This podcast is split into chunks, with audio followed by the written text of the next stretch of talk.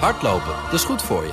En Nationale Nederlanden helpt je daar graag bij. Bijvoorbeeld met onze digitale NN Running Coach... die antwoord geeft op al je hardloopvragen. Dus, kom ook in beweging. Onze support heb je. Kijk op nn.nl slash hardlopen.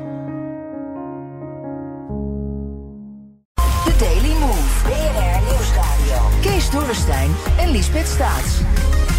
Kwam al eerder voorbij in deze uitzending. De Nederlandse staat hoeft geen miljarden euro's te betalen aan de energiebedrijven RWE en Uniper. Dat heeft de rechter bepaald. De energiereuzen hadden de Nederlandse overheid aangeklaagd omdat hun kolencentrales in 2030 dicht moeten. En daar wilden ze compensatie voor zien, maar dat gaat dus niet door.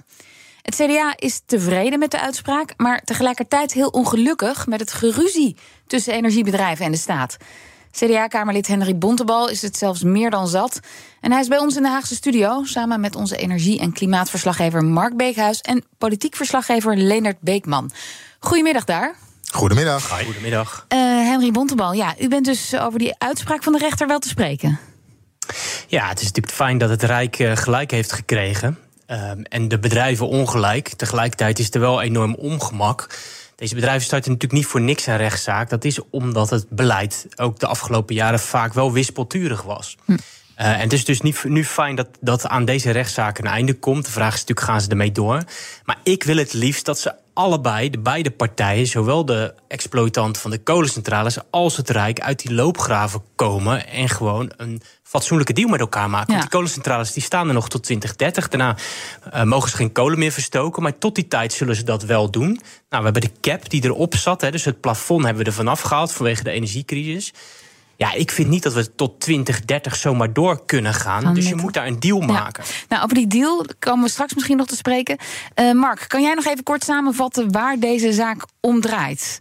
Ja, Henry Bontebal heeft het al ja. wel uh, een, een beetje, beetje verklapt. Ja, ja oh, maar sorry, precies. Sorry. Het, dat is uh, heel goed. Het, het, hogere doel uiteindelijk is inderdaad om minder CO2 uh, uit te stoten bij de opwek van uh, elektriciteit. En daarom is er dus een einddatum voor kolenstroom bedacht.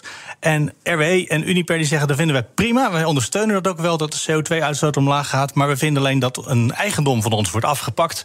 En daarom willen we gecompenseerd worden. Hm. ze hebben uitgerekend 2,4 miljard.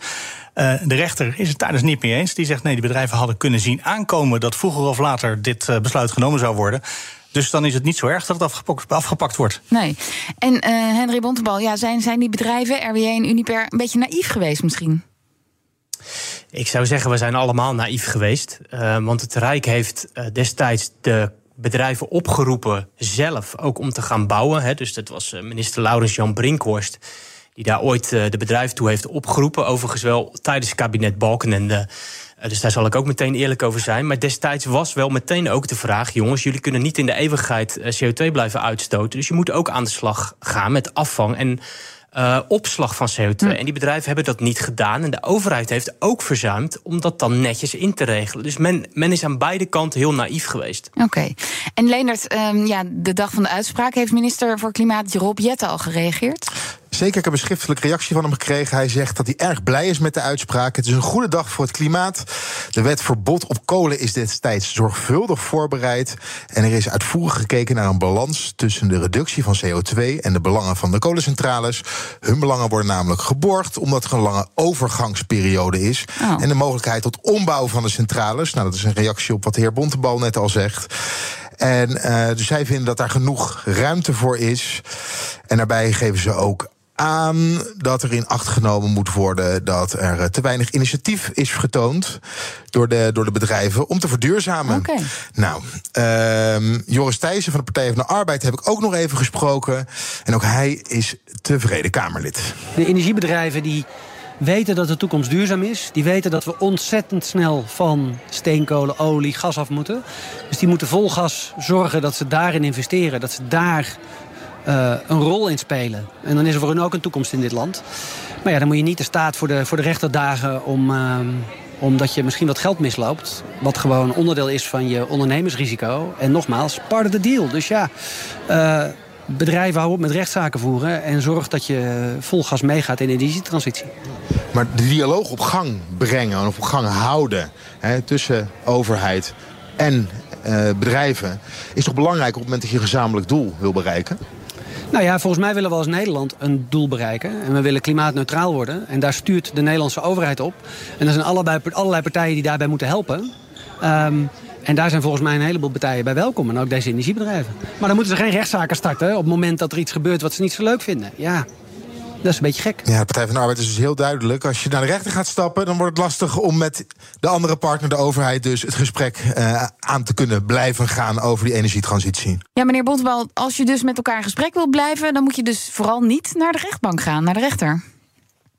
Klopt, um, maar in reactie op uh, collega Thijs, kijk, waar ik het niet helemaal mee eens ben, is die, die, die betrouwbaarheid moet aan beide kanten zitten. dus ook de overheid moet zich een betrouwbare partner, uh, een betrouwbare partner zijn. Dus Kijk, we durven het in dit land niet meer over vestigingsklimaat uh, te hebben en over voorspelbaar beleid. Maar dat is nodig, want de energietransitie gaat ook door die bedrijven gedaan moeten worden. Mm -hmm. We willen windparken op zee bouwen, we willen misschien gascentrales ombouwen naar waterstof, uh, met kernenergie aan de slag.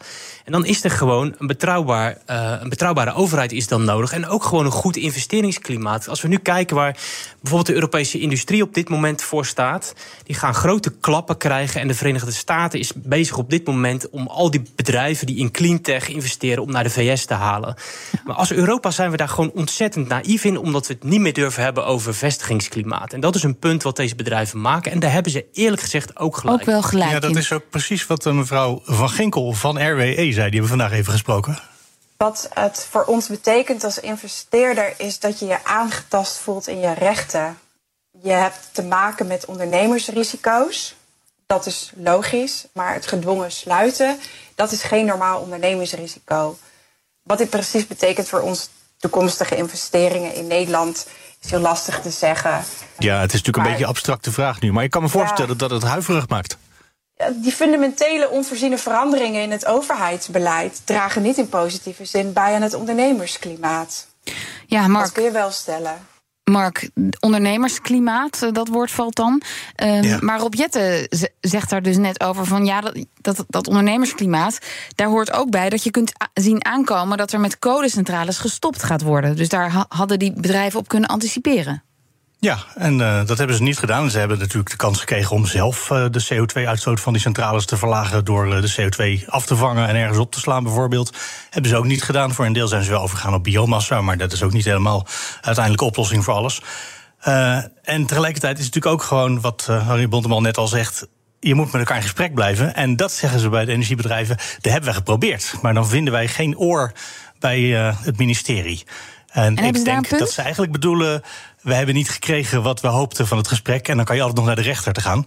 Aha. Maar in ieder geval, dus, dus, er, wordt, er is geen open gesprek. Hoewel ze wel nadrukkelijk zeggen dat dat er wel is. Maar Uiteindelijk komen ze heel vaak bij de rechter terecht. Ja, en ik, ik, ik heb zelf met die partijen. Kijk, ik, ik heb eh, in verschillende debatten aan Jette gevraagd: wil jij uit die loopgraaf komen? En dan zegt Jette: eerst moeten zij stoppen met die rechtszaken. Die bedrijven, daar heb ik alle vier ook uh, aangevraagd. Kunnen jullie ook niet uit je loopgraaf komen? En die zeggen, ja, maar dan hebben we helemaal niks meer in handen. Hm. En laten we ook niet vergeten, die bedrijven die willen dus iets van een alternatief. Nou, de Tweede Kamer die heeft in het verleden biomassa gestimuleerd. Dat, het ene jaar wel, het andere jaar niet. Nou, het is dat wispelturigheid. Vervolgens uh, CO2-opslag. Uh, idem dito. Het ene jaar is de Kamer is, is, zegt dit moet gebeuren. Dat schrijven partijen in hun verkiezingsprogramma's, laten ze het doorrekenen. En drie debatten later zeggen diezelfde partijen: nee, dat is een optie die we niet moeten doen. Ja, daar kun je dus, niet op investeren. Die bedrijven kunnen niet investeren. De andere kant is wel. Hè, paar dagen geleden is aangekondigd dat dezelfde RWE een grote tender voor windenergie op zee heeft gewonnen. Mm. Dus die bedrijven zien echt Nederland nog wel als een interessant land om in te investeren. Maar laat, ja. laten we echt niet naïef zijn. Uh, we gaan het met die bedrijven moeten doen. En er is iets van stabiliteit nodig ja, in het klimaatbeleid. Maar, maar hoe doorbreek je dan een cultuur waarin het de gewoonte is om naar de rechter te stappen als je niet krijgt wat je wilt? Beetje met kerst in het vooruitzicht. Misschien heeft u nog wat verbindende woorden. De kerstgedachte. nou ja, ik hoop eerlijk gezegd wel dat uh, zeker na deze rechtszaak uh, het ministerie toch wel weer met die partij aan tafel gaat zitten. Want we hebben gewoon de periode tot 2030 nog te overbruggen. U heeft al heel vaak de minister opgeroepen om het te doen. Ja, dus als hij het niet doet, dan ga ik zelf wel met een plan komen. Want ik ben natuurlijk ook met die partijen in gesprek. En laten we niet vergeten, dat zijn ook, het gaat niet alleen om die kolencentrales, maar ook bijvoorbeeld om de plekken waar ze staan. Dat zijn vaak geschikte plekken waar de aansluitingen al liggen. Een bepaalde plek in, uh, in het hele energiesysteem. Dus het is ook niet. Uh, het is ook vrij makkelijk om op juist die plekken met iets anders te, aan de slag maar te gaan. het CDA zegt toch, Henry Bontebal van het CDA zegt: Ik ben het zat, minister Jette. Uh, als u het niet doet, neem ik de regie over en dan ga ik wel het gesprek voeren. Ja, ik ga niet de minister op zijn stoel zitten, maar um, als hij niet uh, beweegt, dan kom ik zelf met een plan. En ik ben met die partij natuurlijk ook aan het praten. Dus en dan dus, nodigt waarom, u ze uit aan tafel en misschien wel aan de kersttafel? ja, ik weet nog niet of het me zo snel lukt. Kijk, bijvoorbeeld in, op de Maasvlakte. Uh, misschien moeten we daar wel bijvoorbeeld met een kleine uh, small modular reactor, zo'n kleine uh, kerncentrale aan de slag. Uh, misschien moeten we daar uh, op diezelfde plek de kolencentrale dichtgooien en aan de slag gaan met een nieuwe gascentrale op basis van waterstof. Dat soort opties wil ik gewoon verkend hebben. En wil je ook van die bedrijven weten van ja, wat hebben jullie nou nodig om dit voor elkaar te krijgen. Dus uit die loopgraven kom met een soort maatwerkafspraak, net zoals met de industrie nu gemaakt wordt. Ja, dus niet meer naar de rechter, maar gewoon met elkaar aan tafel zitten. Dank jullie wel. CDA-Kamerlid met klimaat en energie in zijn portefeuille. Henry Bontebal, onze BNR-verslaggever Mark Beekhuis... ook met klimaat en energie in zijn portefeuille. En politiek verslaggever Leendert Beekman. Hardlopen, dat is goed voor je. En Nationale Nederlanden helpt je daar graag bij. Bijvoorbeeld met onze digitale NN Running Coach... die antwoord geeft op al je hardloopvragen. Dus, kom ook in beweging. Onze support heb je. Kijk op nm.nl slash hardlopen.